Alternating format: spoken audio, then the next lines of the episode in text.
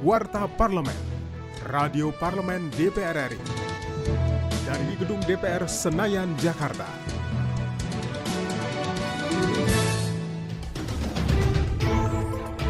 DPR RI mendesak pemerintah segera mencairkan anggaran insentif bagi tenaga kesehatan yang berjuang dalam penanganan COVID-19.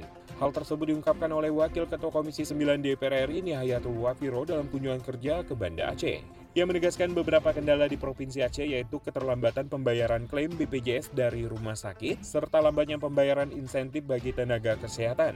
Ia akan mendesak Kemenkes segera menangani permasalahan tersebut khususnya yang terjadi di Provinsi Aceh.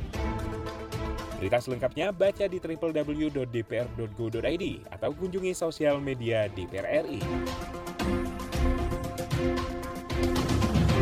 Usai menggelar seminar Southeast Asian Parliamentarian Against Corruption atau CPEC, Wakil Ketua BKSAP DPR RI Mardani Alisera menilai setiap warga negara Indonesia harus diperlakukan sama di mata hukum.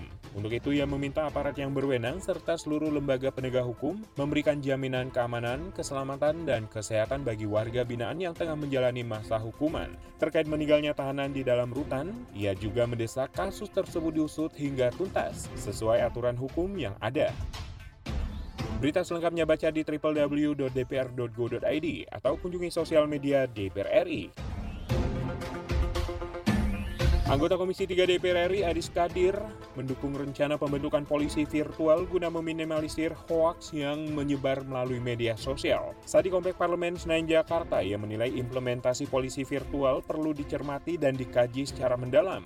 Mengingat Undang-Undang ITE yang berlaku saat ini masih harus diperbaiki. Dalam implementasinya polisi virtual harus bisa memilah jenis-jenis berita yang berkembang di dunia maya dan menjalankan tugas dan fungsinya secara optimal dengan mengedepankan asas kehati-hatian.